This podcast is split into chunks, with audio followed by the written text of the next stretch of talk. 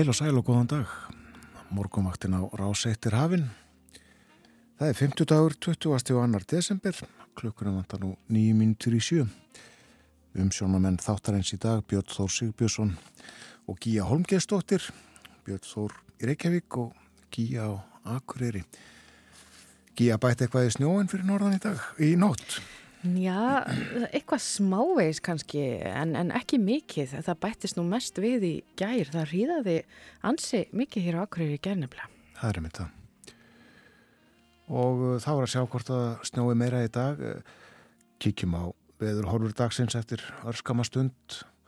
Aðtugum fyrst hvernig viðræði á landinu öll klukkan 6 í morgun. Þá var 60 af frost í Reykjavík, heiðskýrt og mjög hægur vindur. Sjöstega frost á Kvanneri, norðaustan fjórir þar. Tekjastega frost í Stikisholmi, heiðskýrt, norðaustan 6 metrar.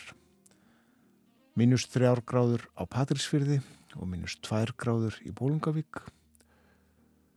Og tekjastega frost líka á Holmavík, 5 stega frost á Blönduósi, hægur vindur. Þryggjastega frost við Söðunisvita og 8 metrar þar fór í 12 mestu kviðu fjórastega frost á Akureyri. Og það segir í aðtuguninni að lítilsáta snjókoma hafi verið á Akureyri fyrir 50 mínútum. Hægur vindur. Fjóra gráður frost á Húsavík og þryggjastega frost á Rauvarhöfn mínus fjóra gráður á Skeltingstöðum og fimmstega frost á Eilstöðum allskíjað norðan fjórir metrar tveggjastega frost bæði á höfni Hortnafyrði og á Kvískerjum og vindræðin þar 12 og 13 metrar á sekundu eitthvað svo leiðis og uh, rétt tæplega 20 metrar í kviðum. Fjórastega frost á Kirkjubæðaklaustri hægur vindur, hitti við frostmork á Stórhauða í Vestmannegjum, hægur vindur þar líka. Og fimmstega frost í Árnesi 11 metrar á sekundu þar. Og 9, 10, 11, 12 stega frost á hálendinu eitthvað svo leiðis En Gíja, ertu með spádagsins? Já, spádagsins er svo hljóðandi. Það er norðan og norðaustan 5-13 metrar á sekundu og jél norðan og austan til en annars létt skíjað.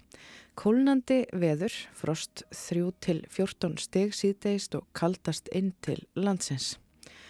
Og á morgun, það er hæg breytileg átt og víðadál til jél á morgun en suðaustan 8 til 13 metrar á sekund á vestfjörðum annarkvöld og kólnar heldur um allt land.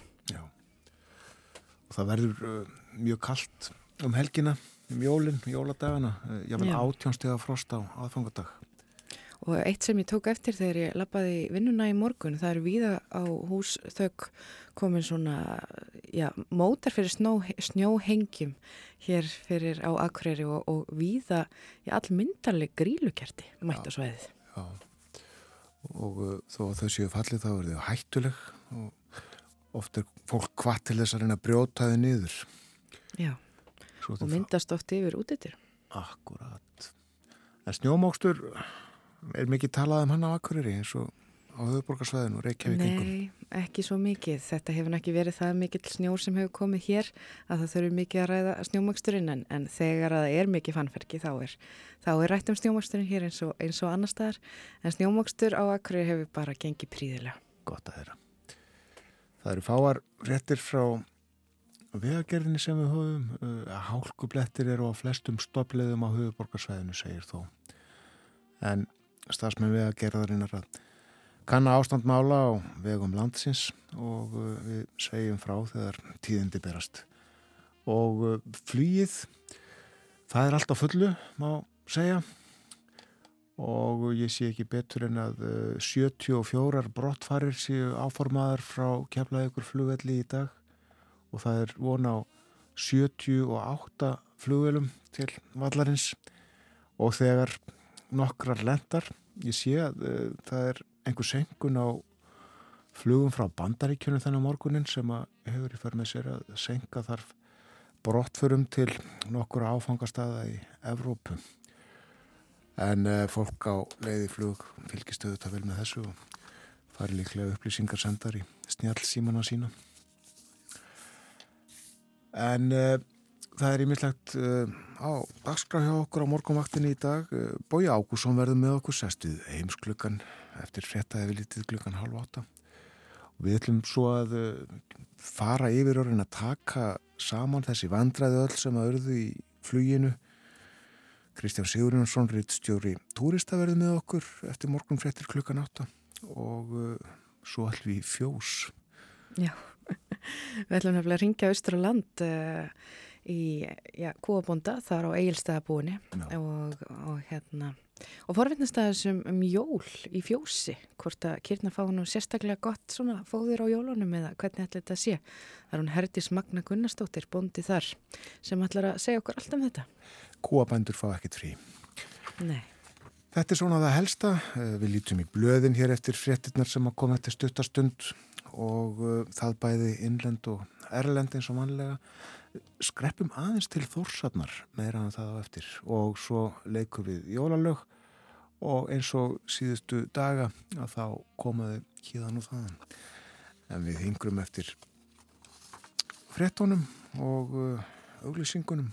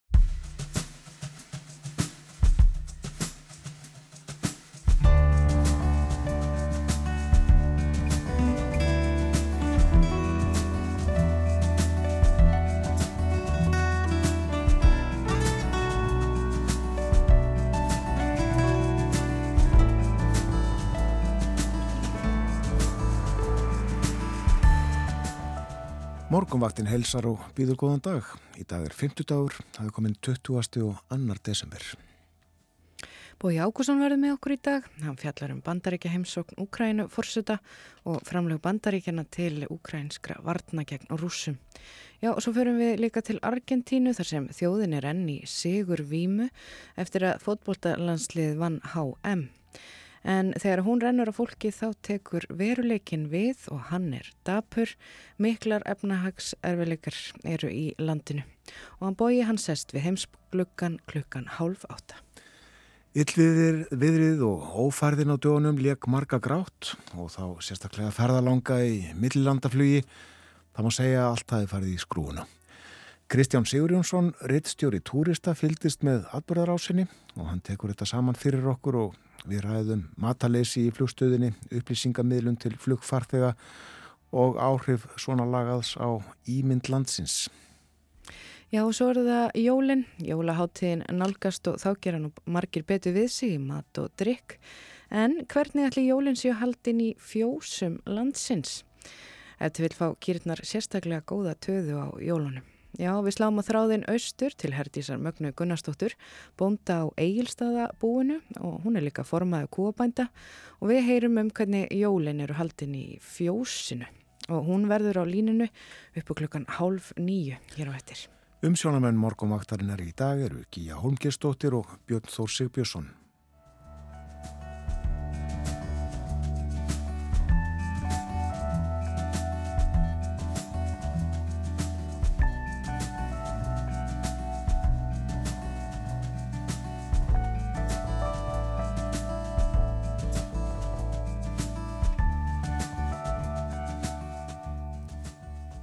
Sjáum ekki annað en að verði bara ágætt veður í dag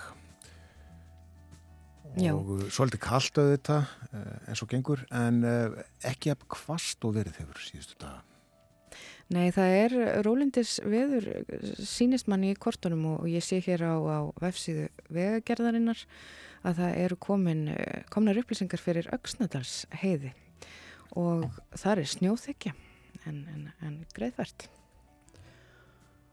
En uh, við skulum kíkja hér á hugleðingar veðufræðings. Það er fremur hug, hæg norðleg átt í dag og á morgun þorróksmessu dálitil jél norðan og austanlands en annars yfirleitt létt skíjað þó vísbendikar séu um að jél getu slæðist inn á Suðurland annað kvöld. Og það er talsvört frost á öllu landinu engum í einsveitum. Og á aðfangadag þá er búist fyrir nokkrum smá lægðum eða lægðadrögum á dóli úti fyrir ströndina. En þeim fylgir snjókoma eða jél í flestum landslutum og jábrann dregur þá úr frostinu. Það er með það. En uh, annars gert ráð fyrir að uh, frosti verði að 16 stegum á förstu daginn þólásmessu uh, og uh, það verður átjónstega frost það sem kaldast verður á lögadag, á aðfangadag. Það verður inn til landsins. Talsvert frost áfram á jóladag. Þá verður stíf norðaleg átt og víða jél og uh, 14 stega frost að 14 stega frosti á öðrum degi jóla á mándaginn. Og svo hlínar heldur á þriðu daginn. Já. Það eru kvítjól, má svo sannlega segja. Það eru átt að segja það, já.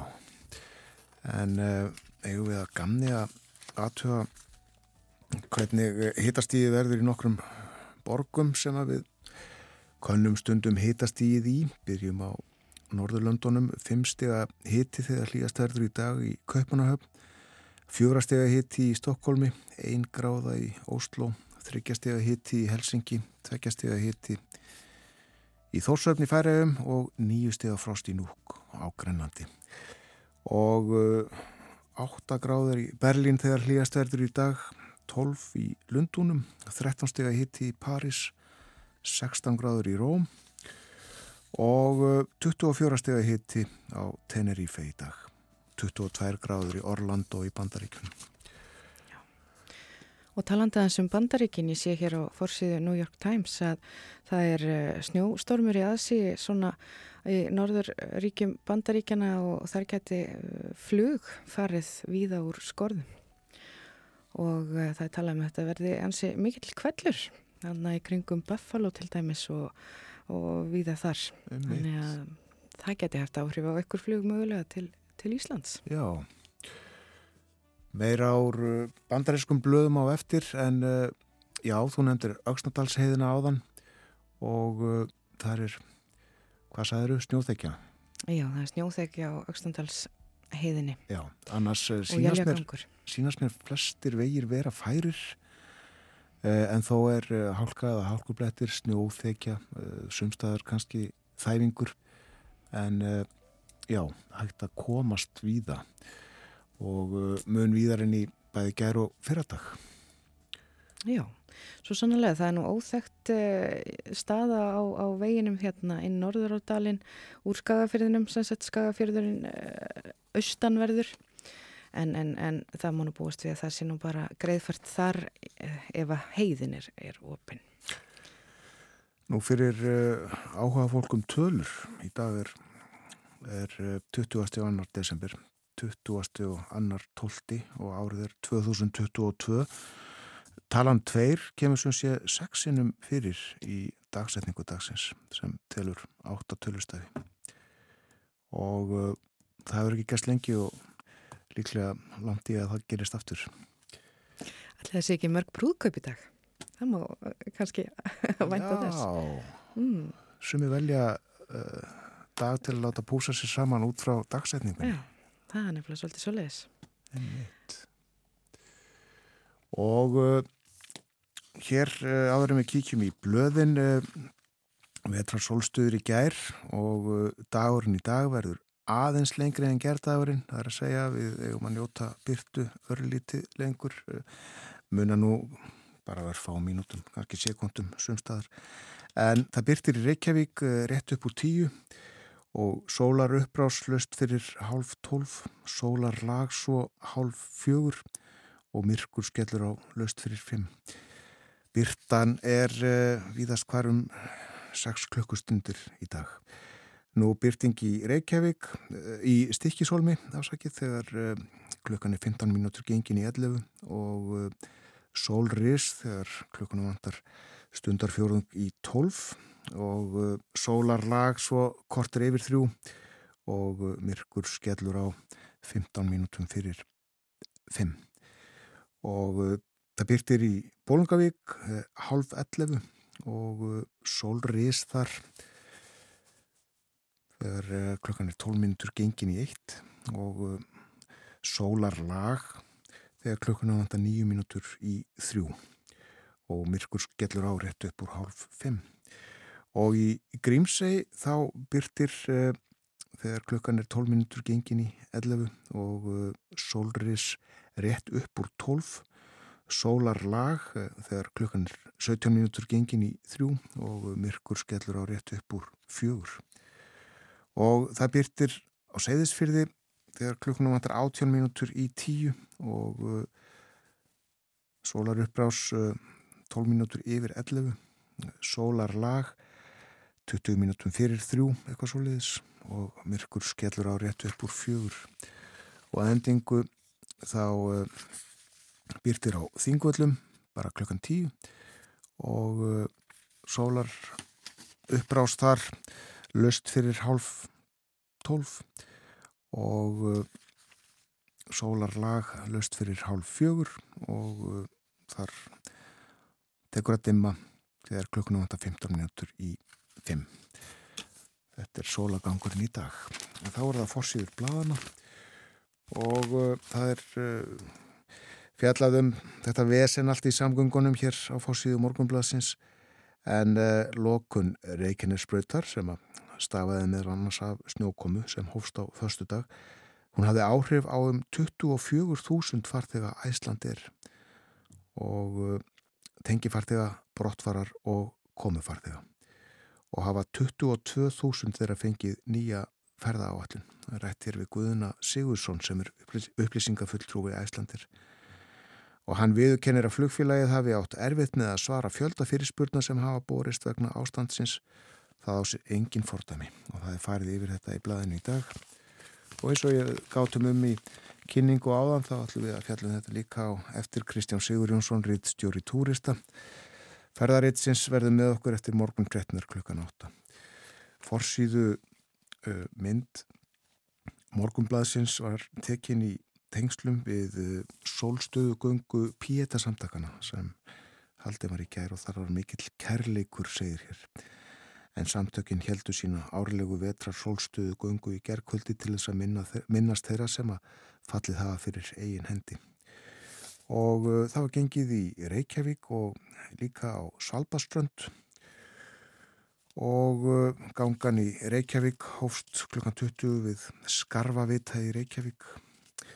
Og uh, fyrir norðan var uh, gengið að eða frá ég átt að með ekki á því Svalbastrandavita þrjú til fjögur hundruð manns tóku þátt í göngunni. Og við vitana var kveikt á kertum og þau sem tóku þátt í göngunni nutu samverðunar hvert með öðru og fólk skrifaði skilabóð um söknuð og ást á plötur sem að settar höfðu verið upp á báðum vitum og þar verða hvaðjurnar yfir jól og áramút standa undir blikkandi ljósi til að minna hvern og einn á að ástin er eilíf segir á fórsíðu morgunblæðsins. Fórsíðu mynd fréttablaðsins tekinn á hellisheðinni í gerð og uh, nefnt að vetrarsólstuður voru í gerð styrsti dagur ásins og það skóð yfir vegin við bláfjalla afleggjaran. Já, hún var nú ekki tekinn á hellisheðinni heldur má sjá hana þarna á myndinni. Nú er dag, daginn farið að lengja, segir hér líka, það er ágætt að vinna sig á það reglulega. Nú, uh, það er fjalla hér um uh, lánamál en tæp 27% heimilega eru með óvertrið lán á breytilegum vöxtum og taka þannig hækkanir á vöxtum vegna hækkana sælabankans á stýrivöxtum á sig af fullum þunga. Og fjallaði um þetta rætt við eh, meðal annars Þorbjörgu Sigriði Gunnlúksdóttur, hún sittur á þingi fyrir viðrist og hún uh, segir, maður fær þá tilfinningu að það séu tvær þjóðir í þessu landi. Þetta var það helsta fórsíðun dagbladana þessarar íslensku en uh, þú sagðir að uh, óviður er bóðað uh, einhver staðar í bandaríkjunum á næstu dögum. Já, það lítur út fyrir að það verði snjóstormur eh, svona í norðanverðum ríkjum bandaríkjana og, og, og það er talið að þetta verður svona meira en vanalega. Það er nú sagt hérna að þetta eru ríki sem að eru já, allvön snjó þannig að það ætti nú ekki að koma á orð en þetta er sagt að ég að vera öllu verra og svona krappari já, bara meiri kvellur eh, í veðrinu og meira snjómagn og það er einmitt talað um að þetta geti sett flugur skorðum en eh, svona, ef maður geymar yfir fórsýðu, já, svona vestanhafs þá eru þetta þessi eh, heimsókn í gær eh, sem var í fréttum, Lótumir Selenski og Joe Biden, þau príða fórsýður víða og við munum fjalla nánar um þetta í heimsklukanum hér á eftir. En ég rendi að sé yfir fórsýðu bresku bladana, þar eru alveg yfir fullar fórsýðunar af uh, afleiðingum þess að tveggjadaga verkvæl starfsfólk breska helbriðiskerfisins uh, til dæmis sjúkunarfræðingarnir og sjúkraflutningafólkið. Stjórnvöld eru á fórsíðunum sökuðum að lama helbriðiskerfi breyta með því að bregðast ekki við kröfum um kjaraviðræður og það er talað um deadly silence. Um, og hér má svo sjá líka mynda fórsettisráðaranum Rísi Súnak það stendur missing, tindur eða leitað að. En uh, rittstjóri um pólitísk málefni hjá Guardian uh, hún segir að svo verður sem að Súnak sé að reyna að nota verkvöldin sem tækifæri til þess að sína anstæðingum sínum. Hann sé ekki vannmáttugur með því að já, mæta verkefliðsfélagunum á þennan hátt. En hún skrifar einni að, get, að þetta gæti nú reynst áhættu já, stefna hjá honum. Þegar um ræðir meira en 1,5 miljón launþega sem að kjósa um verkvælsaðgerðir í vetur. Og það er líka greint frá að eh, ótti og vanlíðan hafi gripið um sig hjá gríðar mörgum um, sem að eh, hafi gefist upp á því að ringja í sjúkrabíl í gær og það er talið að nú fari ég hönd mjög erfiðu tími e, þar sem uppsafnaður fjöldi mun leita nú á sjúkrahúsin eftir þessi verkvöld. Já, hann svona þetta er það sem er í bresku milunum og svo mun bói ég fara nánar yfir, yfir erlendur fréttir hér í heimsklökanum og eftir. Já, en nú uh, slást við för með Ágústi Ólafsinni fréttamanni. Hann var á ferð á Þórsöfn á dögunum og þar er verið að undirbúa opnun þekkingar miðstöðar og það í húsinu sem landsbankin var áður í. Langanes byggð kefti húsið en þekkinganett þingeinga sér um starfseminna. Ágúst hitti Heidrúnu Óladóttur, verkefnistjóra hjá þekkinganettinu. Heidrún, eh, Sveitafélagi kefti gamla landsbankahúsið og, og kannski svolítið óljóst til að byrja með hvað átt að nota það. Nú er það komið á fullt og búið undir þetta samning við þekkinganettið. Eh, Þið eru kannski að stökka þetta út af aðstæðum sem að þið lenduð í? Já, við erum búin að vera hérna í húsnaði Ísfélagsins mm. í, síðan 2011 en uh, þar var ákveðið að breyta því í verbúð fyrir fólk sem kemur á vertíð. Þannig að við fórum bara að hugsa okkur um að reyna að finna bara eitthvað nýtt húsnaði mm. og það varð úr að þetta var keft og, og við verum þarna mm. innan hús. Þannig að kannski við þessar hræringar þá, þá svona verða til nýjar hugmyndir og, og þetta, þetta vikar út. Já, við erum náttúrulega nýbúin að eh, koma á stað hraðinu á húsæk og hugmyndirnar þar rýma svolítið við það sem við ætlum að reyna að gera. Við viljum skapa aðstöðu fyrir nýsköpun, frumkvöla og líka bara gera vinnustad með mörgum stopnunum og svona hræri gröð mm. kannski, svolítið hræri gröð hugmynda. Eru þið, eru þið nú þegar búin að fá inn þarna fyrirtæki sem eru þá utan við ykkar þekkingarætt?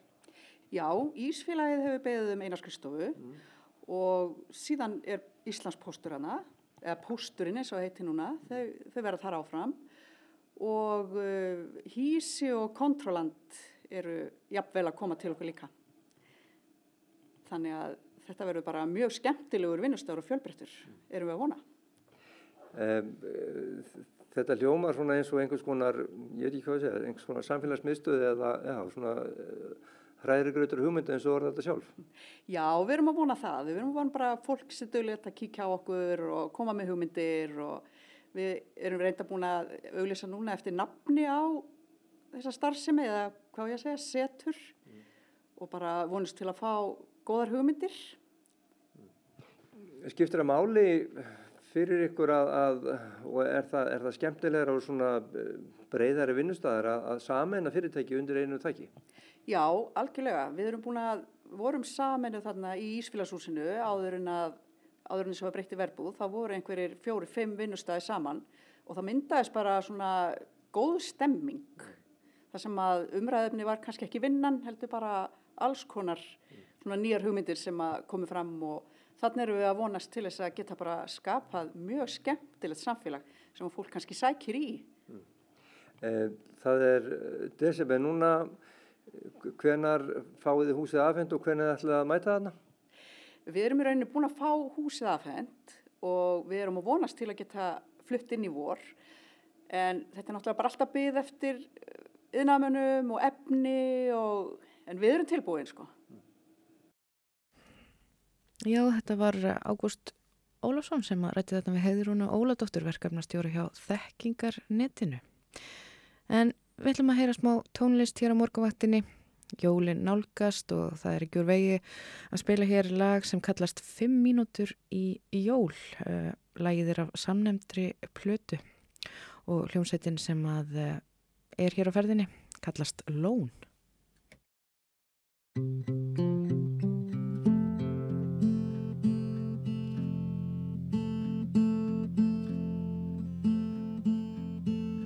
Er það brúð eða bíl, bók eða lest, þekkir einhver hér, þennan jólagest sem læðist um með sekk, lætur hón í skó, meðan lítil börnin sofa væst í ró.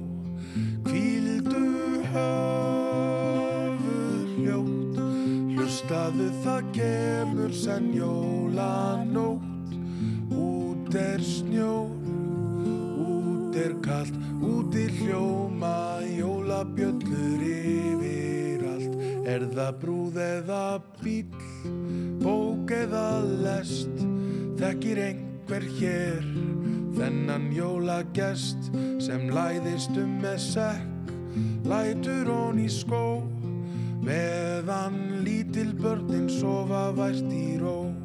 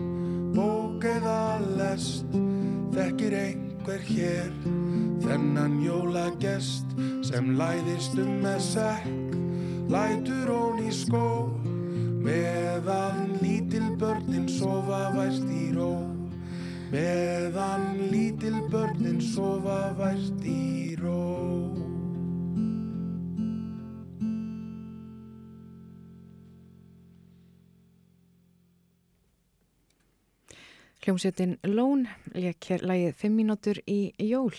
Eh, hljómsveitina skipa Valdimar Guðmundsson, Ómar Guðjónsson og Ásgeir Adalstinsson. Og með honum í þessu lægi söng, uh, söng konan Rakel Sigurðardóttir. Og þetta er að plötunni sem heitir 5 mínútur í jól og texti þessa lags er eftir Margariti Pálu Ólafsdóttur, stopnanda hjallastefnunar, en lægið eftir Roger Miller. Það er með tvei minútur í frettæðileitið, fyrst auglýsingar og eftir frettæðileitið verður Bói Ágússon við okkur hér á morgumaktinni.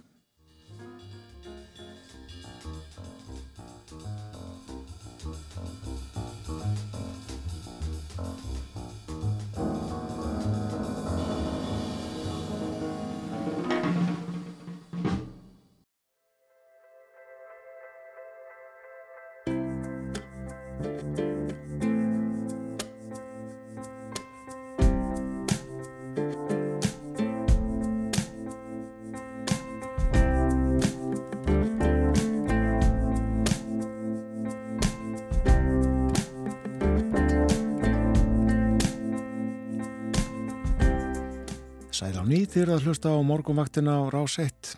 Það er 50 dagur í dag, 20. og 2. desember, klukkan rétt liðlega hálf átta. Veðurdag, horfur dagsins eru svo hljóðandi norðan og norðaustan 5-13 metrar á sekundu og jél norðan og austan til, annars létt skíðað. Og kólnandi veður, frosti í dag 3-14 stig og þannig verður það síðdegis og eins og svo ofta áður verður kaldast inn til landsins. Það er komið að heimsklukanum hér á morgunvaktinni. Bói Ágúrsson komin í hljóðstofu. Góðan dag. Góðan dag. Við ætlum að spjalla ímislegt í dag. Mm. Eh, engum þó eh, bandrækja heimsók Selenskís Ukrænufósita. Jú, jú. Hitti bætin í gær og ávarpaði þingið báðar deildir þess. Við ætlum líka aðeins að fara til Argentínu. Svo við að leika eitt lag sem við erum vanir að spila í síðasta heimsklukka fyrir jól. Já. Meiru það á eftir. Það er svona skapast ákveðin hefð á undanföldum árum. Fyrir, fyrir, fyrir þá sem eru ekki fasta hlustendur eh, heimsklugans að eh, þá, þá bara kemur það í ljósra eftir. Þetta er jólalag. Akkurat. Ekki jólalegasta lag allra jólalaga en jólalag er það samt. Og við höldum í hefðirnar. En uh, við ætlum að byrja hjá vinnum okkar og nágrunum færiðingum. Já, það var tilkynnt uh, uh, já, í fyrra, sent í fyrra kvöld að það hefði tekist samkomulag um uh, nýja stjórn. Það er Axel Vaff Jóhannesson sem að verður lögmaður á ný, lögmaður er fórsættisáþra færiða og með honum í stjórn, hann sem sagt formaður jafnamannaflokksins og Þannig að kratar aftur, hafa aftur verið litið til öndvegis í færiðum og með honum er framsókn og þjóðveldi. Þjóðveldi er, getum við sagt, sýstur flokkur vinstri í græna og uh, hefur á stefnusgrásinni að færi er verði sjálfstætt ríki og þeir eru svona heldur til vinstri. Mér að vísu hefur hef þótt sko stjórnmáli færi um stundum daldi þannig að fólk sem að ég hef þekkt og hefur tengst þjóðvildi hefur mér ekki fundist allir vera sko eitthvað gólandi vinstrimenn. Þarna eru menn úr enga framtæki e, í færiðum og, og e, já, en sem séð og svo er líkil flokkur í þessari stjórn framsókn. Framsókn e, er í færiðum ekki skild framsókn á Íslandi nýja framfara floknum í, í hérna, gamlu, gamlu í, í Nóri og, og Danmarku framsókn er klopningsreifing eða klopnaði út úr Pól Mikkelsen yfirga fólkaflokkin sem er svona það sem ekki er rætt sjálfstæður flokkur færiðinga og uh, hann var lengi vel uh, forma á flokksins en nú er þar kona sem heitir Ruth Wang og var uh, ljósmóður en núna þingmaður og verður núna ráþeira og þegar ef hún verður ráþeira þá hættur hún að vera þingmaður og meðan hún er ráþeira vegna þess að eins og Hjálmar Ráðnarsson gatum í, í, í góðu yfirlíti sínu fyrir hvað þrejum vikum og fyrir kostningarnar í færium að þá uh, segja menn af sér tímabundið þingmennsku þegar þeir gegna ráþæraembættum. Högni Hóidal er leiðtögi þjóðveldisins þannig að þessi þrjú verða allavega í ríkistjórninni. Sko framsók bætti við sig í síðustu kostningum og vann sem sagt þar með kostningarsigur þjóðveldi var með stóð í staðum það byrja við mann rétt en jafnaðmenn þeir voru Þeir voru sigurverðar kostningarna og bætti við sig á, á kostna gamlu flokkana sem að voru í stjórn þannig að nýstjórn í færium og það verða uh, málefnarsamningur eða stjórnarsáttmáli þessara uh, flokka verður kynntu núna eftir uh, rúman klukkutíma. Það er mynda. Meira að færa síðar en...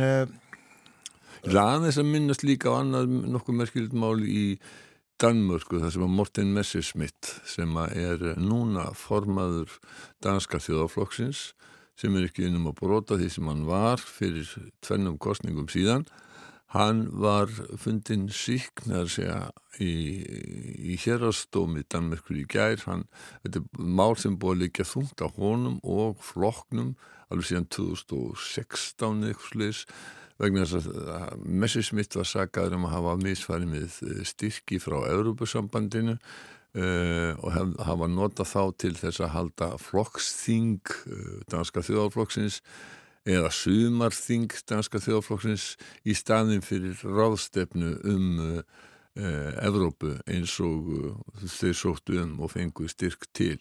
En hann hafði áður verið dæmdur fyrir þetta svo kom það upp að dómarinn var vanhæfur vegna minni, vegna sem hafi lækað eitthvað á Facebook með verða að passa sig Já. þannig að málið var tekið upp að nýju sem algjörlega nýtt mál og að þessu sinni að þá uh, var Messi Smith síknaður og að gríðarlega, gríðarlega hérna fegin. Það er langt síðan að danski þjóðaflokkurinn hefur fengið einhverja góða fréttirinn, hann fekk það þó í gerð. Já. Auðu alheimsins beintust að Washington í bandaríkjunum í gær. Selenski Úkrænufósiti var í heimsókn á Biden bandaríkjumfósita. Þetta er merkileg heimsókn. Þetta er fyrsta skipti sem að við tærum að Selenski hafi farið um, til annara, eða farið til útlanda eftir að rússar hófu uh, þetta villimannslega árásarstríð á Úkrænu í uh, lok februar Það eru rétt um 300 dagar, rétt umlega 300 dagar síðan að þeir ríðast þar inn og uh, við þurfum ekkert að fara í gegnum hvernig það hefur verið en það voru ekki margir sem byggust við því að um, Úkrænumenn getur staðið upp í hárinu á rússum. Um, rússar með þennan gríðarlega stóra og öfluga hér að því að talið var og um, þeir ætluði sér greinilega að klára þetta á vikum fella ríkistjórn Selenskis og hafðu líst í yfir að þeir væri allir saman nazistar og uh, sem að aftur, mér finnst alltaf létt skrítið að Selenski er gynningur að hann skuli fara í, í hérna, farabróti fyrir nazistarstjórn en e, svona svona skrítnar rauksendafæslur vefjast ekkert fyrir e, áróðsmestunum í Kreml. Nei. E, Úkrænumenn, þeir náðu að verjast fyrstu allugunni og í rauninni held ég að það má, má, má segja að sko, áhlaup á kýf, kýf uh, kænugarð höfuborgina mistóst vegna þess að úkrænumenn vörðust að mikill hörku, tókst það. Uh, og það varð til þess að þeir hafa fengið gríðarlega mikinn stuðning frá vestrænum ríkjum, engum þó bandaríkjónum langmest frá bandaríkinn, mynda bandaríkinn langstæst og um, hernaðastuðningur þaðan hann uh, skipti sköpum. Svo fengu bandaríkinn hafa alltaf verið að ganga lengra og lengra í þessum stuðningi sinni.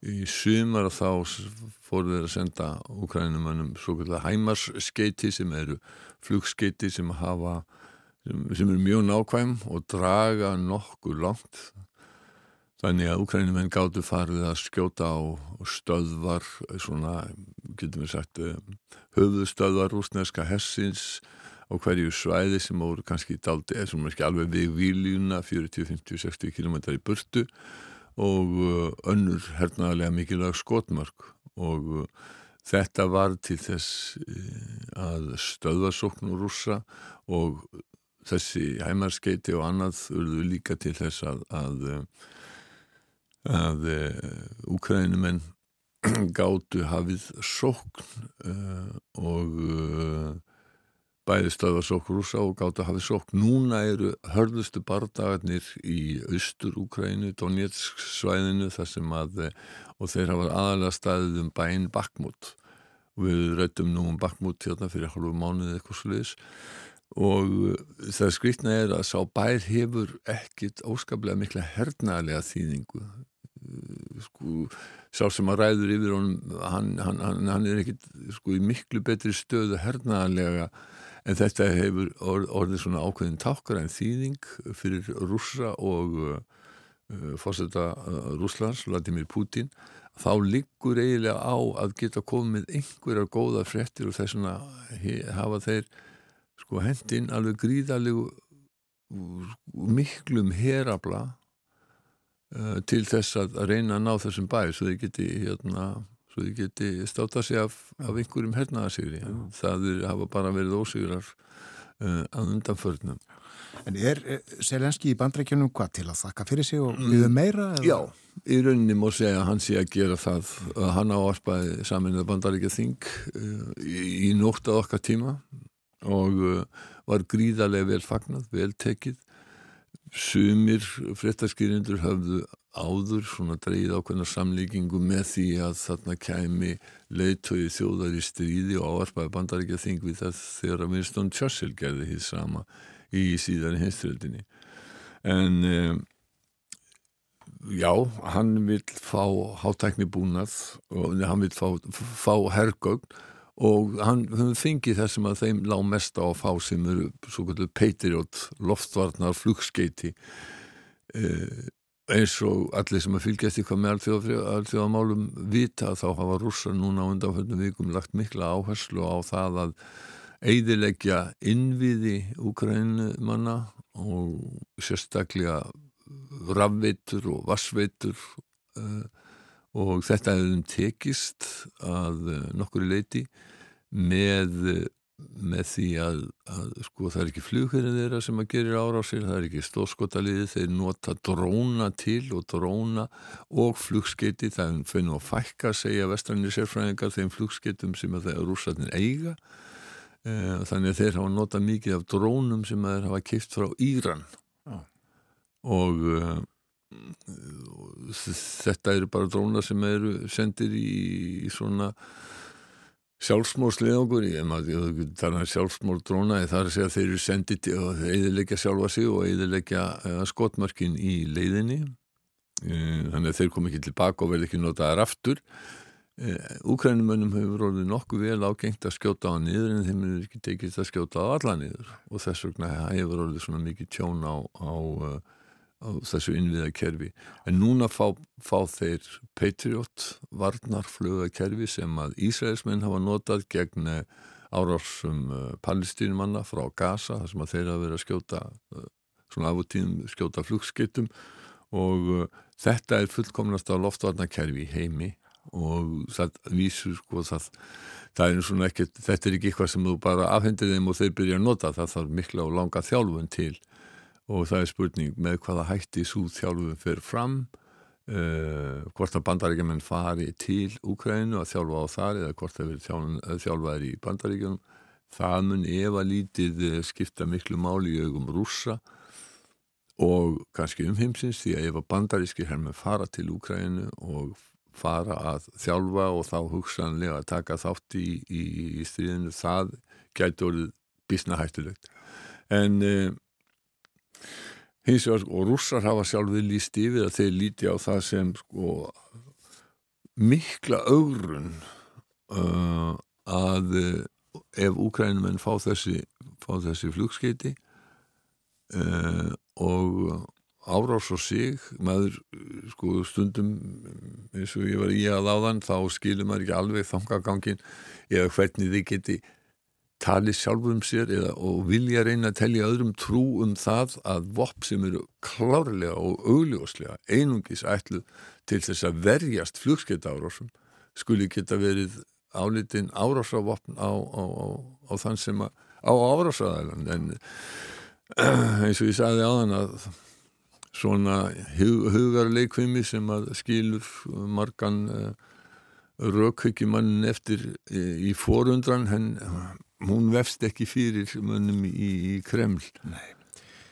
Uh, Pútín sjálfur var að ávarpa herfóringja sína í gær og lofaði þeim að þeir skildu þurfa fá allt það sem að þeir vildu fá til uh, þess að, uh, að, að vinna sigur í, í Úkrænu. En hvernig hann ætlar að gera er annar mál. Meira en um, þetta árásastríð rúsana í hinsluganum í næstu viku Já. síðasta heimskleika ásins Já. En uh, nú ætlum við að tala þessum Argentínu. Argentínu menn glöttustu þetta gríðarlega á sunnudagin þegar uh, landsliðið var heimsmistar í fótbolta og uh, var ekki frí þarna Jú, það var ekki frí daginn eftir. Og þjóðin öll í sig og vímu en, en það er ekki gott ástand í Argentínu. Nei, þegar þeir vaknað upp eftir, eftir já, eftir fögnuðin þá, þá, þá blasir við þeim ömulegt efnarsástand um, eins og hefur verið.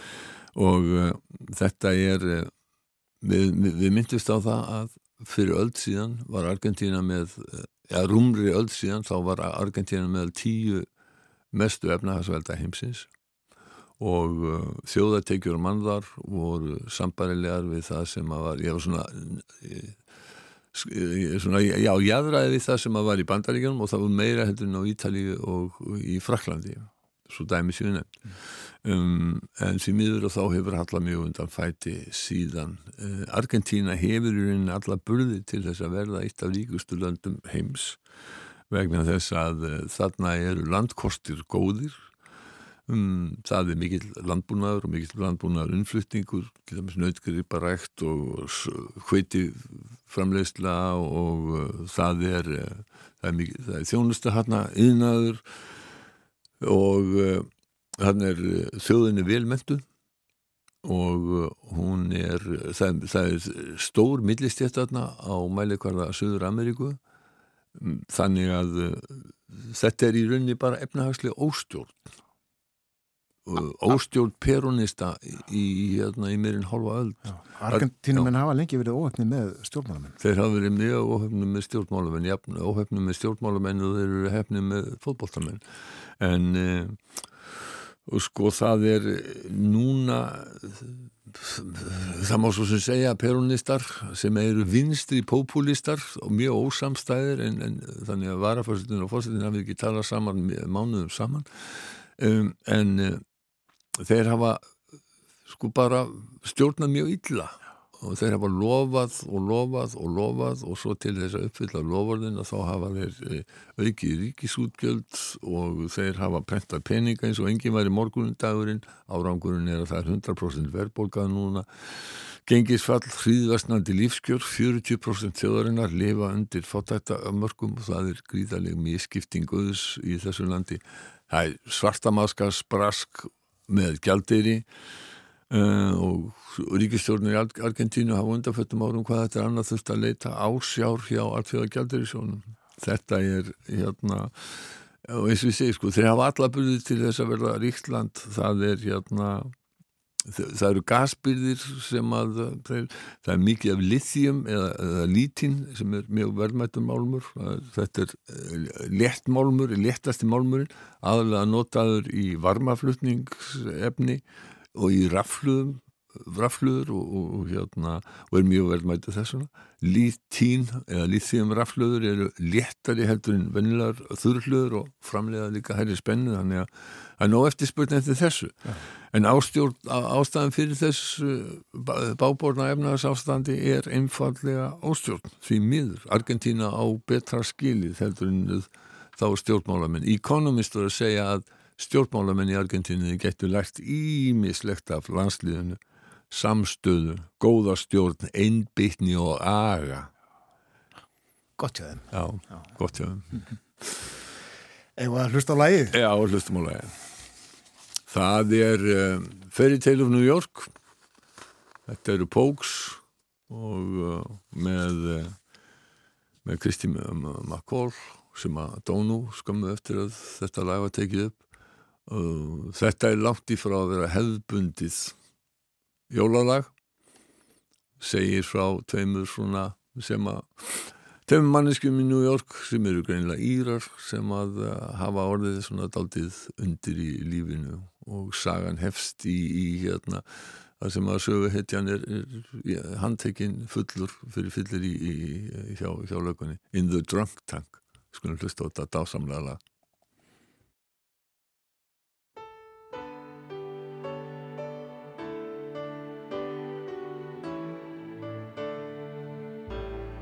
was Christmas Eve, babe, in the drunk tank.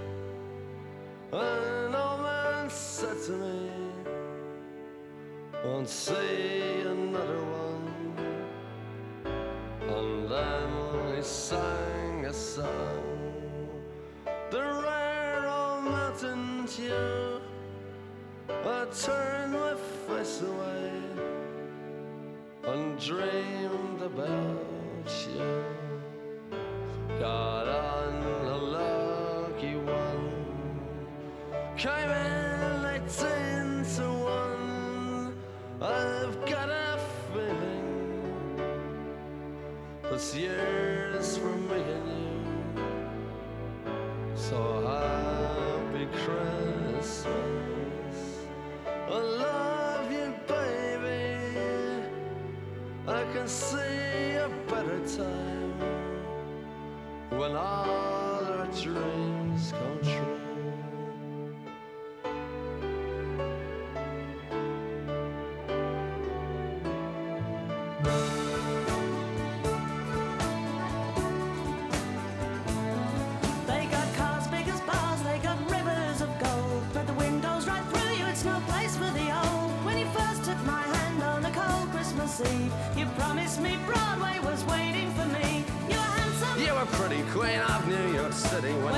Finished playing. They held out for more. Sinatra was swinging, all the junk they were singing. We kissed on the corner, then danced through the night. The boys of the NYPD choir were singing "Go Away, Babe," and the bells were ringing out for Christmas Day.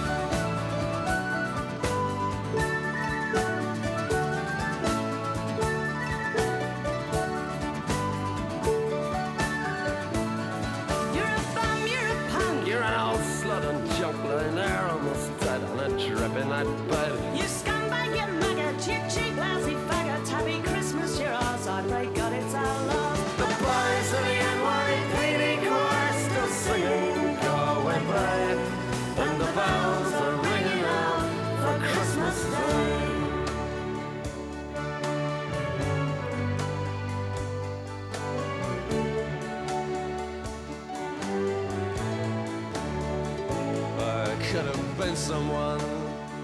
Well, so could anyone. You took my dreams from me when I first found you. I kept them with me, babe. I put them with my own. Can't make it all alone. I built my dreams around you.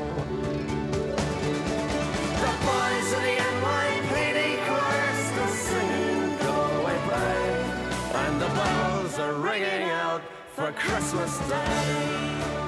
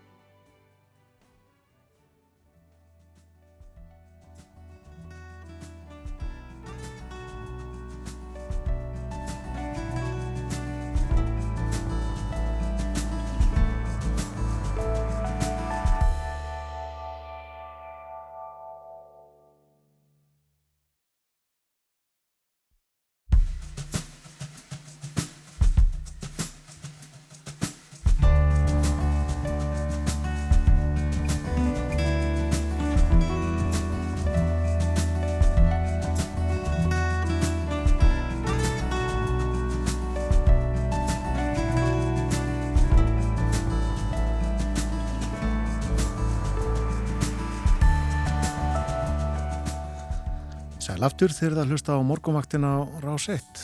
Klukkan er farin að ganga nýju. Það er 50 dagur í dag, 20. og 2. desember. Farið var yfir veðurhorfur dagsins og morgundagsins undir lok fréttatímans hér áðan en hvernig ætli viðri á aðfangadag? Jú, þá verður norðan 5-15 metrar á sekundu, víða jél eða dáli til snjókoma og það verður kvassast norðvestan til. Frostið á aðfangadag 5-18 stíg, kaldast inn til landsins. Og jóladag þá verður stíf norðlæg átt og víða jél úrkomu lítið suðvestarlands og talsvert frost. Og annan dag jóla þá verður suðaustlæg átt, strekkingur, dáli til snjókoma við suðuströndina, annars hægari vindur og úrkomu lítið og frostið á öðrum degi jóla á mánudaginn 1 til 14 stig en uh, minnst siðst. Og þriðudag þá fer aðeins að hlýna en útlitt er þá fyrir stífa suðaustanátt með snjókomu en síðast littu sunnan og vestan til. Og uh, á miðugudagi næstu viku þá má búast við jæljum. Þetta eru horfurnar fyrir næstu daga. Jólin framundan og uh, það er kolniða myrkur auðvitað hann á Íslandi og verður í um það byrjum tvær klukkustundur í viðbútt eitthvað svo leiðis en uh, jólalegt viða trúi ég uh, jólaljós uh, hvernig er þetta á Akureyri? Er mikið skreitt, Gíja? Já, það er nú töluvert skreitt og, og það var einmitt svo fallegt að ganga í vinnuna í morgun. Það var eh, alveg svo stilt og fallegt veðrið eitthvað megin að ganga og, og að skoða jólaljósin er mín eftirleiti siðja svona að, aðvendunni. Já. Og Akureyri er bara mikið skreitt og fólk skreitir húsin sín bara töluvert og það er jólalegt um að litast og, og trén svigna svona undan þunga snjósin sem að e, mér finnst nú alltaf enkenna svona jólalegasta e, það finnst mér svo fallit. Já, tekundi það. En ætli íbúar í Stokkólmi skreiti húsin sín Kristján Sigur Jónsson, reittstjóri túrista, góðan dag. Góðan dag. Jú, jú, hér í Stokkólmi skreiti fólk alveg þrátt fyrir rammarsreikningarnir séu þess herri en vannalega en, hérna, en það er ekkert sérstaklega jólalegt, jólastjórn er farin en hérna, það er ringt sístu tóta en það stefni nú í, já vonandi allavega en að svo spá gangi eftir að það fara að snjóa svona um hádegi á morgun og svo verður kallt yfir jólinn þannig að það er allavega alveg ekki alveg útilokað að það verði hvít jól hér í Stokkólmi. Nei, gott, gott. Uh, áfram með snjó, snjóin sem að tefti Reykjanesbrautina í tvo, þrjá daga eitthvað svoleiðis og setti hér allt úr skorðum, allt flug. Uh, Manst eftir öðru eins, þú hefur fylst lengi með ferðamólum? Nei, ekki svona lokun í svona langan tíma, maður hefur ekki séð þetta á þér, hefur náttúrulega allt þekkt að yfir vetramánuðina og janúar og februar að þá þurfum við að loka reikinnesbrutin í einhvern stuttan tíma en ekki svona langan tíma og nú er talað um að Já, þetta hafi haft áhrif á um, ferðir um 60.000 farþegar, þetta er enginn smá tala og, og, og alveg ljóst að þetta náttúrulega gerist svona eiginlega á versta tíma þegar fólk er að reyna að komast í ja, jólafrí og, og heimsækja vinni og ættinga og alltaf vera jólunum hjá þeim og þetta er náttúrulega slæmt og svona með við, sko það er svona tölur sem hafi verið nefndar um, um bót bætur sem fólk á rétt á, það er að segja að flugfélagin skaffiði mat og, og hérna, gistingu jöfnvel, þá er þetta náttúrulega gríðarlega tjón fyrir flugfélagin líka, það hleypur ábyggilega 20 eða ekki 100 miljóna, þannig að þetta er alveg, ég miklir hagsmunir í húfi fyrir alla að þetta endur takkis ekki því að það verður náttúrulega að vera svolítið líkið um uppi að aðstæður þarna hafi kannski verið aðeins viðræðanlegri en, en, en en reyn bara vinni. Já, þetta er auðvitað mjög sérstaklega því leitinu til að auðvitað hamlar veður oft flugi en uh, það var flugfært, það var einmitt snjór á vegi sem að koma í veg fyrir að, að hægt væri að fljúa. Já, það er það sem er svo sérstaklega vitað, það er að flugvöldlurum var opinn og, og en það bara komst enginn til eða frá flugstöðinu og, og það sko er náttúrulega ljóst að það þarf að fara alveg lofin í sauman á þessu. Og nú er nú Sigurður Ingi innveðar á þeirra búin að lofa því að þetta endur takis ekki en hann ætla nú samt að hérna stopna einhvern starfshóp sem á að fara ofan í þessi mál. Og, og það, verklýsing þessa starfshóps var byrt í gær og, og það er náttúrulega eiginlega svolítið sérstætt að sjá að þarna er náttúrulega verið að tala um Já, orðalagi er mjög almennt, þannig að tala um að hópurinn eigi að huga skipulagi og snjómokstri og, og, og, og hver beri ábyrða á því að fjarlæga bíla sem eru fastir. Man hefur svona haldið að þessi verkefni hefur verið leitt til líkta fyrir lungu síðan, en, það er greinlega núna bara að vinda sér í það verkefni átt að segja á því hver, hver til dæmis má færa bíla sem eru fyrir snjórunumstækjum. Já, akkurat. Já, akkurat, þannig að, að, að skoða skipulag á snjómókstri á Reykjanesbraut. Maður held að mitt að það væri bara í fínulegi Já, maður haldi það og svo er líka einkenni líka umræðina bæði sko í, í málflutningi vegagerðarinnar og það sem kemur frá Ísafja þessi tveir ofinbyrra aðilara að það er mjög oft verið að vísa í að einhverjir verktakar hefði átt að, klára hitt og þetta og það er verið að býða eftir að verktakar reyði þennan hluta brautarinnar eða, eða ringtork og þess áttar og verktakar að reynsa til á, á fljóvallarsvæðinu og þetta er náttúrulega kannski kallar á líka einhver tíman Já, þurfi kannski þessir ofinbjörðu aðlar að vera bara með starfsfólk í þessu en ekki verktaka. Þetta er, þetta er ábyggilega, já, maður vonar allavega að það kom út úr þessu einhver nýðustada þannig að þetta endur takki sér ekki því að þetta ætti nátt að vera hægt að koma í veg fyrir að, að svona gerist og, og eins og ég sagði á þann að flugfélögum munir nú sannilega kalla sérstaklega eftir því að, að það verði bætt úr þessu því að, að tjón þeirra er mjög mikið eins og ég nefndi að það. Já, og eitthvað hefur verið uh, nefnt eða spurt hvort að þau geti hugsanlega sótt bætur, uh, geta þau það, sínst þið það til uh, ríkisins? Ég þóra eiginlega ekki fara út í það en, en það er, má óbyggilega velta því fyrir sér hvort að það sé til dæmis bara eðlilegt að, að eins og gerðist að það þurft að fljúa fólki frá Reykjavíkuflúvallu og vistum sko til Keflavíkuflúvallar í stað, staðins að sækja mat í, í matverðverslanir í, nálaði við, við Keflavíkuflúvall, það þurft að fljúa með varningin, þetta er náttúrulega hljómar alveg einkennilega en, en þetta var, svona var ástandið í byrjun vikunar og, og hérna og það má vel vera að flugfélagin geti farið fram á einhverja bætir út, út, á það, út á það hvað kerfið er vannmáttugt. Já, svo eru upplýsingar eitt í þessu, fólk fekk ekki upplýsingar og, og stundum fekk upplýsingar og, og misvísandi upplýsingar. Erfitt greinlega að koma upplýsingum til fólks réttum upplýsingum?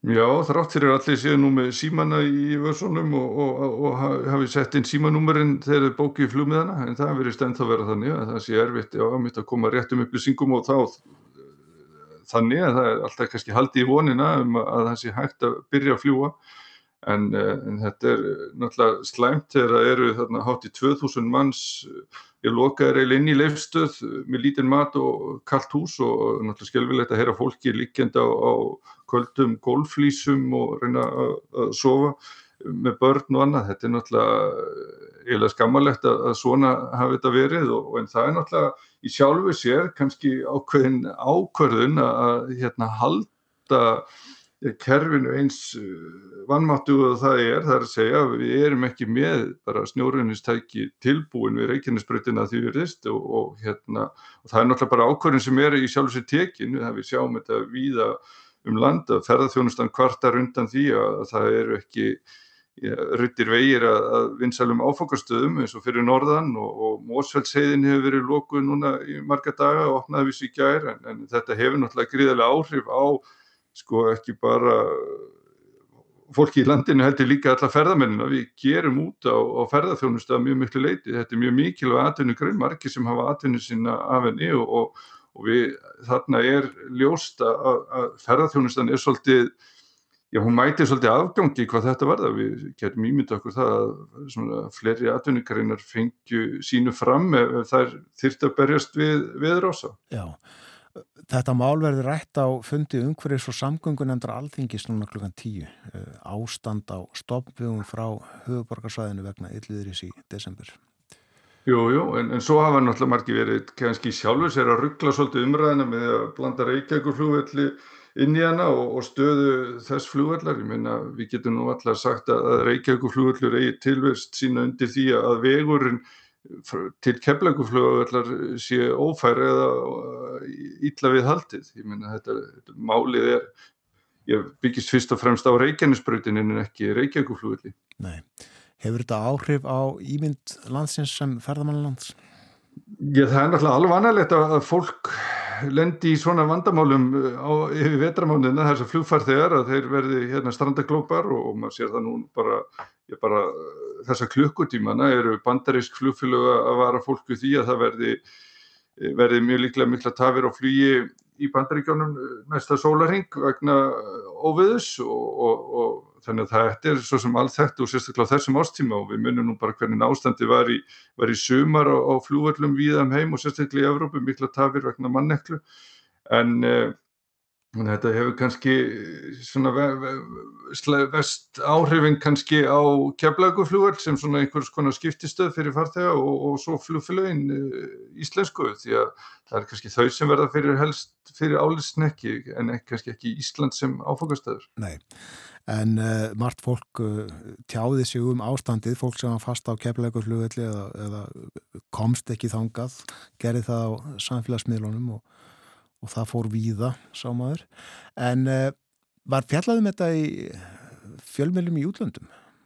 Já, ég sjálfur sér ekki svo mikið, aðeins verið að fylgjast með þessu og ég tók nú eftir í til dæmis í, hér í Skandinavíu fann ég þetta helst svona verið umfjöllunum þetta í, í svona, já, svona ferðasíðum uh, dagblaða og, og, og kannski ykkurum svona flugnördasíðum en, en, en, og í bandaríkjunum var náttúrulega aðeins fjallað um þetta, fréttastofan NBC uh, var með fréttum og viðtölu við fólk sem var ég fast inn í lefstöð og, og, bar síla. Og þetta er náttúrulega, náttúrulega ríkilega slæmt að fólk hafi þurft að gangi gegnum svona já, frumstæðar aðstæður. Þess að fá ekki mat en náttúrulega þetta er þetta er náttúrulega skammalegt og þetta eigum við að vera undir það búin að svona geti gerst til dæmis með að vera með einhverja betta og annað í, í leifstöð fyrir fleiri en, en tíu sko að það þurfa að sækja það á einhverja miðstöð í Reykjanesbæðu þetta ætti þetta að vera einhver staðar í nákværin við flúvallarsvæði eða á flúvallinum sjálfum. Já, en svo flækir þetta auðvitað að það eru margir sem koma að, það er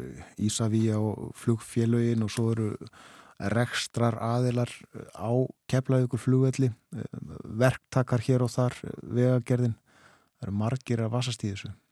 Jú, jú, og margir sem þurfa greinlega hittast á fundum og ræða hvað þið að gera og þetta náttúrulega hægir sennilega á kerfinu en, það er náttúrulega eitt af því sem þarf þá að ræða, það er hvort að þetta sé fyrirkomulag sé nógu gott, það er að segja, að, því að það er náttúrulega ljóst að ef, ef svona endur tekur sér trekk í trekka þá eru, eru við í vondumálum, það er verið að byggja upp keflaguflugur fyrir 10 miljardar til þess að hann geti sint þessari starfsemið þess að vera svona skiptistöð fyrir farþeg á milli Norður-Ameríku og, og Evrópu og Æslandir og, og Play, þau byggja sína tilvist á, á, á að þetta gangi upp líka og, og það er búið fjárfesta í þeim félögum líka fyrir 10 miljardar þannig að það er alveg gríðarlega mikið undir að þetta gangi og þetta endur takkis ekki því að þá verður náttúrulega vandamáli tölvert ef fólk verður að sniðganga íslensku flugfélögin og, og keflagflugvel ef það er á, á leiðinni yfir Allandshafið. Já, og það er auðvitað meira átt að mála greiða úr svona flækju, sínst í flugfélögin hefði staðið sér vel í því?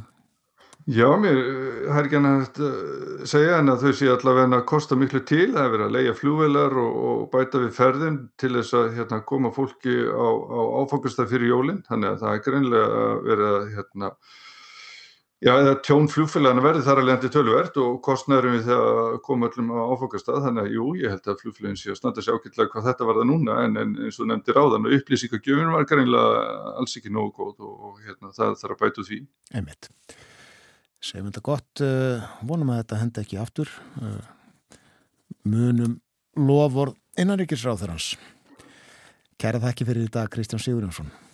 Takk sem leiðis. Og gleðileg jól. Já, gleðileg jól. Takk fyrir mig í ár.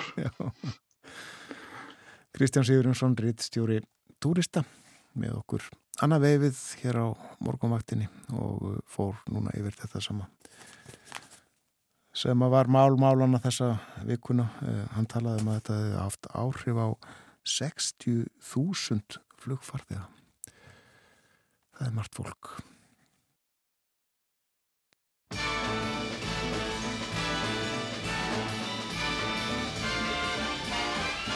It's the most wonderful time of the year.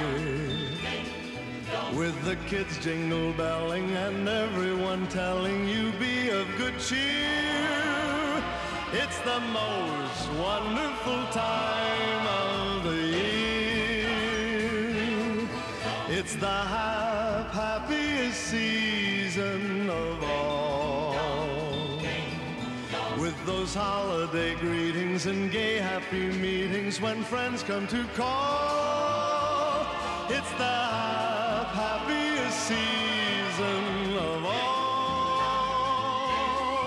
There'll be parties for hosting, marshmallows for toasting, and caroling out in the snow.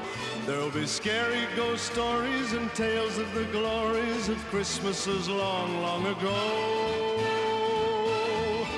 It's the most wonderful time of the year. There'll be much mistletoeing and hearts will be glowing when loved ones are near. It's the most wonderful time of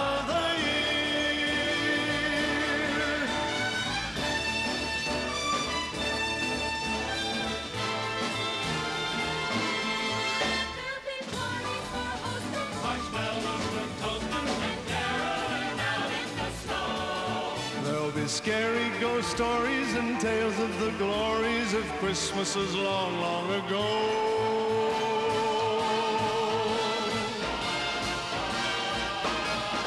It's the most wonderful time of the year. There'll be much mistletoeing and hearts will be glowing when loved ones are near. It's the most wonderful time. Yes, the most wonderful time. Oh, the most wonderful time of the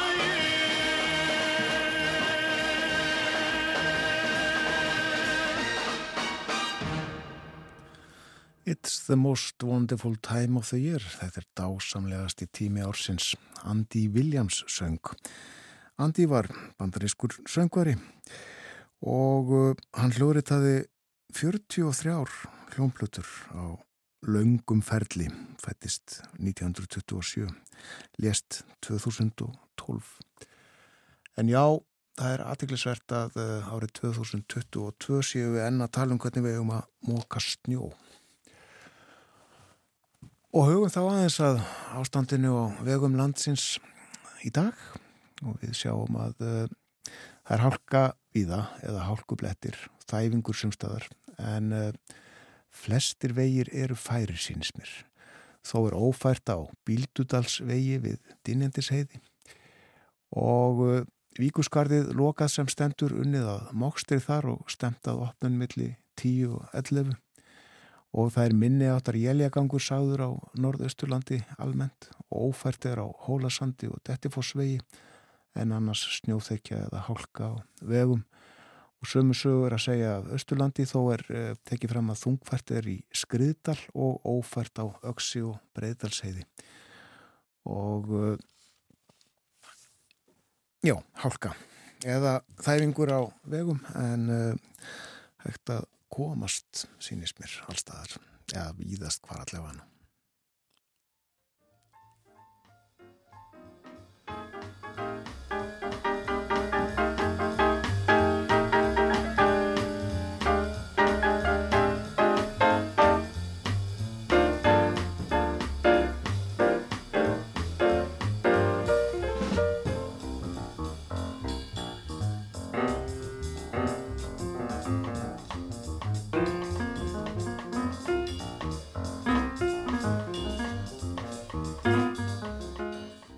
Frettæðuflitið kemur hjá okkur eftir 5 minútur við heyrum fyrst auglisingar og eftir frettæðuflitið fyrir við í fjós við ætlum að forvetnast um jólin í fjósinu. Jólin hjá kóabændum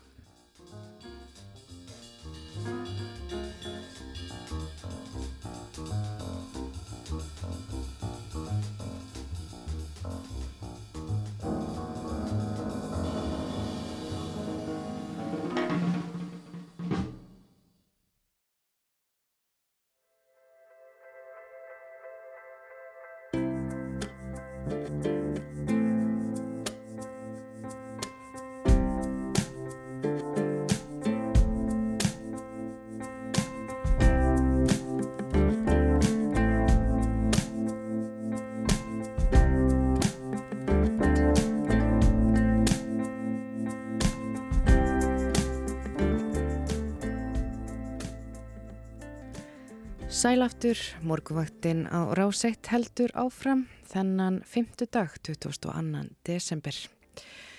Aðeins eh, um veðrið, Það segir hér í hugleggingum viðfræðings, það fremur hæg norðlega átt í dag og á morgun þólagsmessu. Dálítil jél norðan og austanlands en annars yfirleitt létt skíjað þó vísbendingar séum að jél gætu slæðist inn á Suðurland annað kvöld. Og það er talsveit frost á öllu landinu, engum í innsveitum og aðfangadag þá er búist við nokkrum smálægðum eða lægða drögum á dóli úti fyrir ströndinni en þeim fylgir snjókoma eða jél í flestum landslutum og jáfnframt drefur þá úr frostinu. En umferðin e, það er já, nokkuð e, velhægt að komast um landið og unnið að snjómokstri á einhverjum stöðum. En hér á morguvaktinu höfum við verið að fjalla um já, heimsmálinn. Við byrjum þáttinn á heimsklukanum og rætum þar við boga Ágúrsson og því næst tók við Kristján Sigurjónsson. Við rætum við hann um flugvandræðin og alltaf þessi vandræði sem hafa verið í kjálfarið á, á óferðinni á Reykjanesbröytinni og við heyrðum líka af því hér í fréttum aðan viðbröðum og hvernig á að bæta úr þessum málum. En í lokþáttar ætlum við hér að vera á svona jólalegri nótum. Við ætlum að uh, tala um jólin á kúabúi. Það er spurning hvort að kýrnar fá að gera betur við sig í mat og drikk á jólunum eins og uh, mannfólkið. Og við erum komin hér í samband við Herdísi Mögnu Gunnarsdóttur, bonda á Egilstaðabúinu. Hún er líka formaður kúabænda. Kontur sæl, Herdís. Komið sæl, góðan daginn. Góðan daginn. Jæja, eh, við erum búin að ræða svolítið um snjó í þættinum. Eh, hvernig við erum nú á Östurlandi hjá þér? Já, náttúrulega. Þó hefur verið talsist minna en það í hrettanum þá náttúrulega allt búið að vera kafi hérna líka og hérna margir vegir hérna lófæris og fólk inni liksa á sömum heimilum sko. En hérna, já, já, þetta hefur verið ákveði krefjandi svolítið tíma þessi snjór og náttúrulega mjölkubíl sem þarf að komast hér á klána þrísvar í vik og við þurfum alltaf að tryggja það að það sé nægt aðgengi af fjósunni hjá okkur og bara svo eru náttúrulega fyrir utan okkur bændi þá við sem kannski störfum ljólinn og allt en þá eru líka aðila sem eru að sinna okkur eins og skuldbílstjóraf og, og frjóttaknar og dýralæknar sem eru hérna fyrir að komast svona leiðast. Já, akkurat, hvað kemur mjölkubílinn oft til ykkar? Þannig að koma þrísvar í viku hjá okkur. Um, og hérna, já, það er svona er, ég dáist eiginlega stundum að þessu, ég hugsa til, stundum hlýlega til mjölkubílstjórarna, þetta eru bestu bílstjórar landsins, heldur þeir þurfa að keira í öllum öðrum með sallegi og, og á þungum og miklum bílum. Já, en uh, ég byrjaði svona kynninguna á að, að hérna, hvort að kýrnar fái nú sérstaklega gott fóður yfir jólinn og hvort að veri svona sérstaklega vel hugað að, já, að þeim yfir jólinn. Hvað segir þú um það? Er, er eitthvað breytingar svona yfir jóla, jólaháttíðina? Sko, það er ég bara með þetta að hugsa þetta, þú varst nú búin að nefna þetta við mig. Þetta er ákveð bara krefjandi eða fyrir með kýrnar. Ég hef oft sagt að þessi afreiks hústís eins og afreiks íþróttamenn, það er fyrir bara að fá hérna bestu næring og það er bara smá flóki að hérna gera betur við þess. En hérna það er fá náttúrulega alltaf bara eins góða næring og hægt fyrir alla daga, en maður svona stelst nú kannski, maður reynur að horfa eftir hvaða rúlur, hvaða heið þeim finnst best sinni og sjómiðlega sem náttúrulega nöytin, maður reynir kannski að auka, auka klæptur körlum að þeim. En Já. það er bara trefjandur en að gera betur við það. Er hérna er miklu rútínu, rútínu karakterna, svo hérna, maður þarf bara að halda ákveði venni uppi. Já, þannig ef það væri ofmikla breytingar í, í fóðurinu þá myndi það bara hlaupa beint í mjölkina eða? Já, já, já það er vinna ekkert endilega gott fyrir helsufarður. Það er mm. það að vera ótrúslega mikið jafnvægi og, og nokkami á, hérna, á fóðurinu það. En um, ég veldi líka fyrir mér svona fjósið sjálft, fá jólalögin að óma í fjósinu og er búið að skreita fjósið eitthvað? Við hengjum einnig upp hérna jólaskjöfn á gamla, gamla fjósið okkar svo kallað. Já, að utan en nei, það er ekkert jólaskjöfn inni á okkur. En ég, við erum verið bara liðlegri en, en aðrið með þetta. Það eru margir sem að skreita fjósið. Já, en hérna, svo veldi ég líka fyrir mig, það var nú í fréttum um daginn, já, svona, þetta er svona, þessi klassiska frétt um jólatíma, það er fengitímin uh, í, í, í, hjá uh, söðfjárbændum, en, en, en er ykkur álíka störf á kúabúum sem eru alltaf svona á þessum tíma um, um jólaleitið? Nei, það er eiginlega svona þetta með rútínum og mjölkukonum. Það eru náttúrulega, það fæðist kálvar allan á sín sving af því við þurfum að framlega mjölk allan á sín sving og það, hérna, það er reyndar, ég held að það gerir sér leika því, það er reynir vilt að hitta á jóladaga, aðfangardaga, gamlarskvöld og að bera. Það er hérna, við vorum með þetta að taka mútið inn í kvíðu í gæri, alltaf þá ekki að heita aðvenda og við eigum nokkar um mitt skötu og grílu og jólu, það er, það er ástæði fyrir því, það fæðast yfir á jólunum.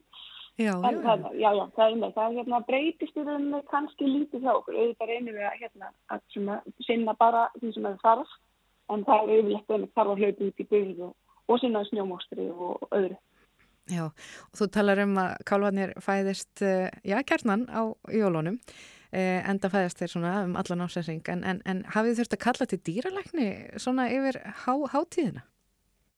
Í fljótu bræði, svona manni nú ekki eftir núna, er langt sem við höfum fyrst að gera það, nú bokka ég borðu og segi 7.13, hérna, jú, jú, það er auðvitað fyrst að það er vext dýr og maður er fyrst að fá dýralækni til það að koma, en nei, það er langt síðan að við höfum fyrst að gera það. Og þá var það bara mjög krefjandi af því að næstu dýralækni sem var á vakt var á votna fyrir því og hérna, allir sjallir er lokaðir. Já, og það er nú svolítið, eh, ég vegulengt að fara frá vopnafjörði til ykkar eh, á eilstæðbúinu. Já, en það er hérna, komið betra ástand núna, við erum með dýralækni hérna á svæðinu sem við nú komast og maður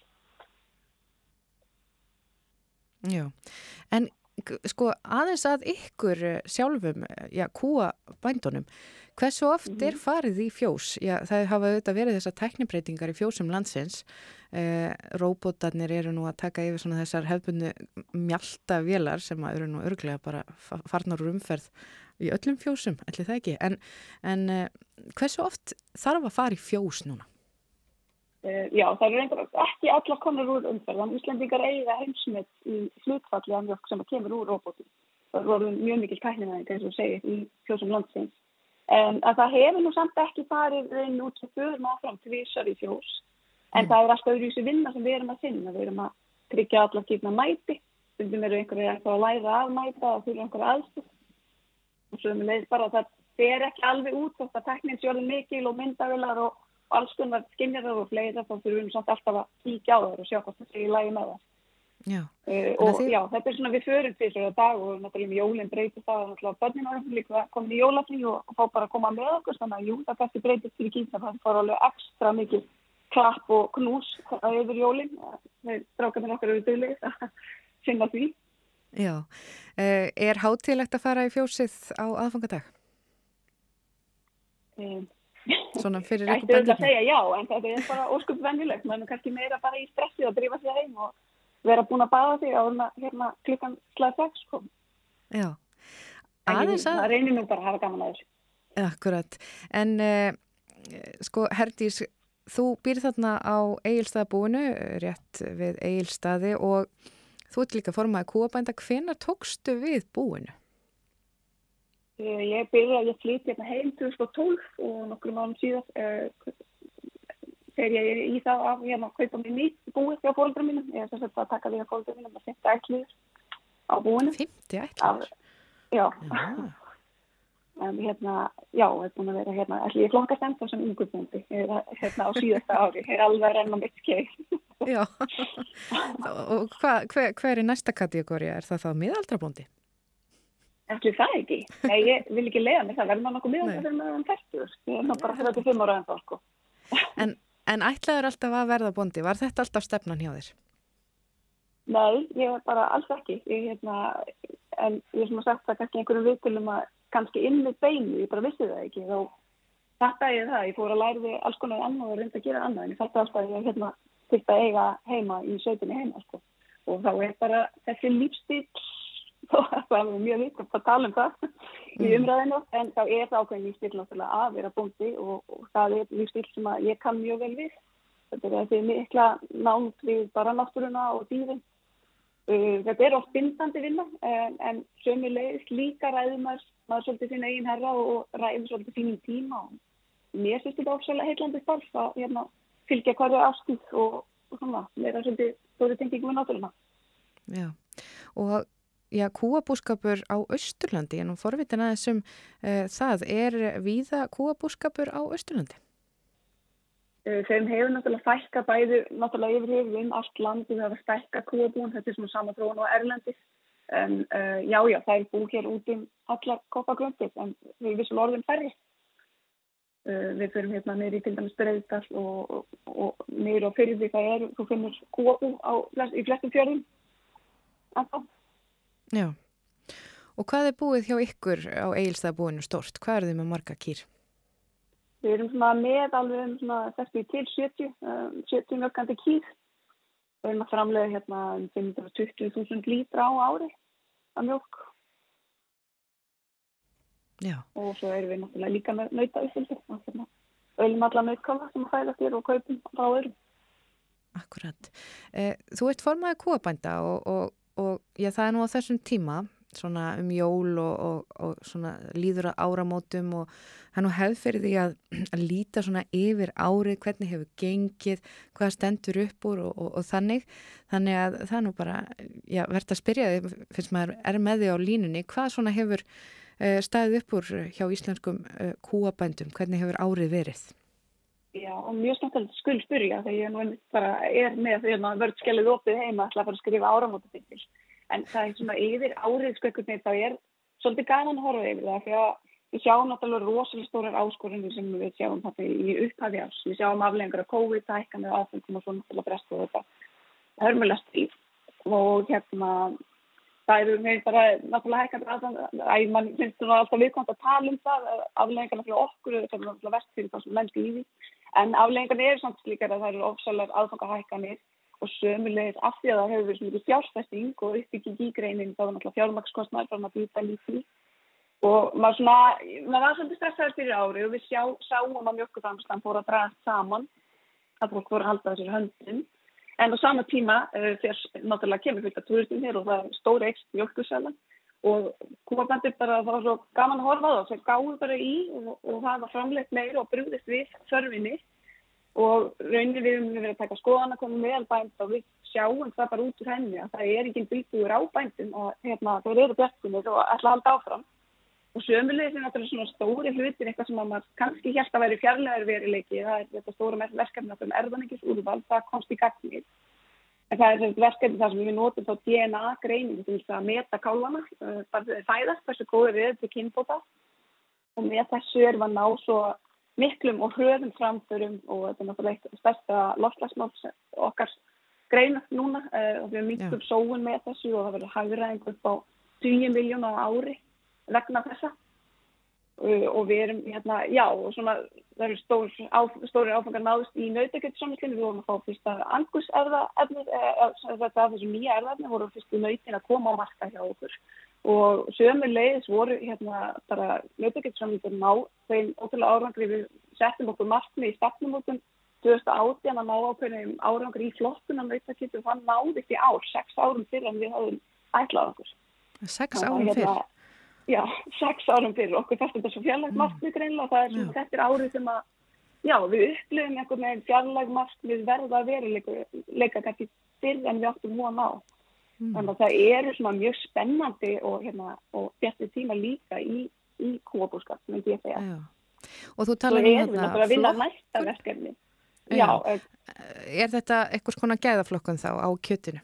Já, það er þetta nýlega tekið upp þetta Europe mat svo kallast og þá settum við okkur ákveðin markmið ákveðin hlutallir í ja, bestu flokkunum og það er verið búin að ná því uh, mun fyrir en við höfum ætla og þetta verið gerist á sama tím og bændir eru að takast á þessu miklu áskoranir. Og hérna þannig að verðum bara að vona það að þeir aldrei áfram. Þetta náttúrulega, já, nokkara prósess að búa til nautakjöld það er bæði að láta kálum verða til og aðlan um, en þetta er náttúrulega aflega því að, að nokkra ára vinnu.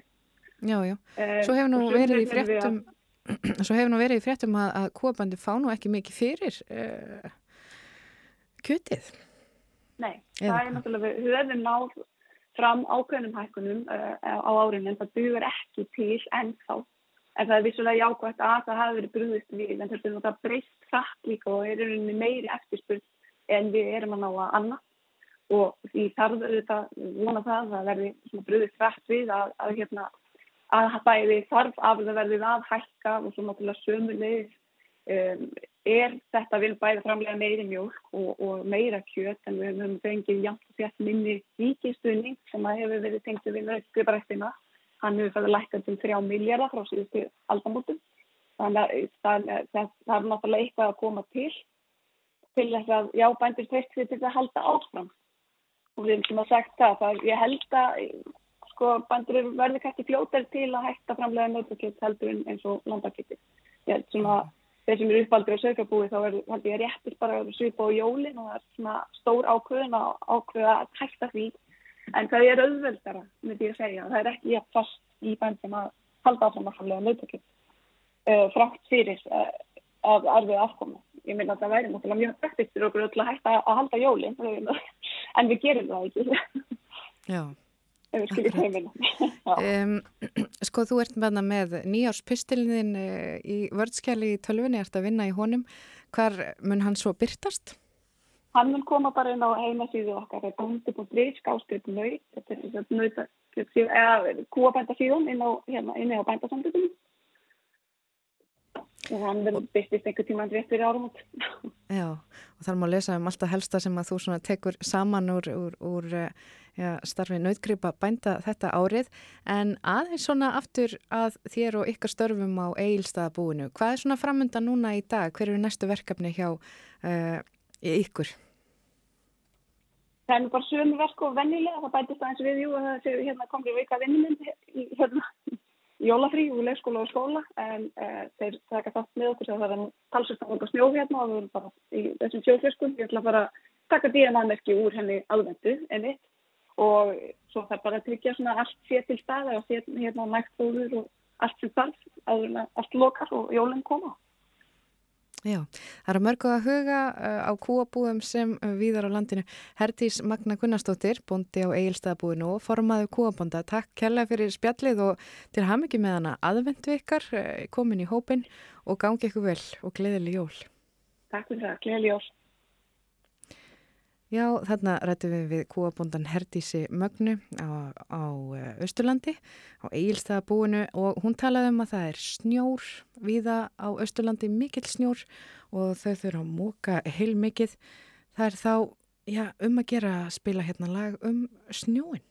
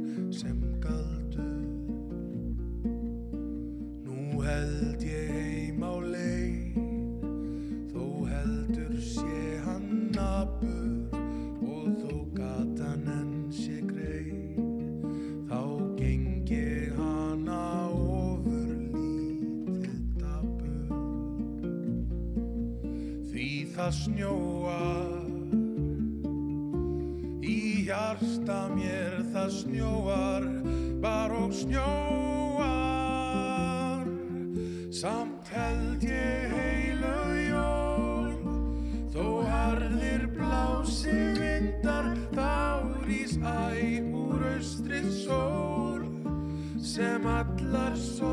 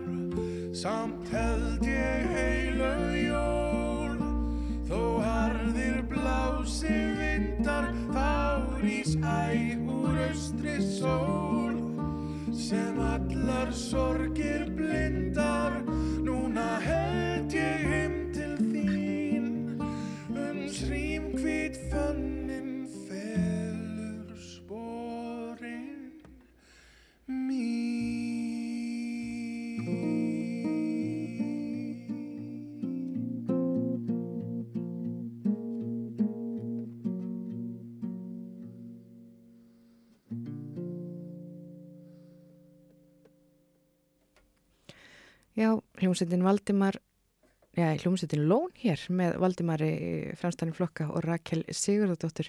Tekstin eftir Braga Valdimar. Þetta lag heitir Það snjóar. Og morgumaktinni er lokið í dag. Við, eh, Björn Þór og Gíja, höfum verið hér síðan fyrir klukkan sjö í morgun og þetta var síðasta morgunvaktin fyrir jól. Þátturinn víkur fyrir jólakveðjum í fyrramálið á Þólásmessu og lestur þeirra hefstraunar eftir fréttir og veðurfréttir klukkan tíu í kvöld. En við verðum heima yfir hátíðunar, heilsum næst eftir jólinn. Við þökkum samfélgina í dag, við ætlum að ljúka þessu á Elvis, njóti dagsins og gleðileg jól.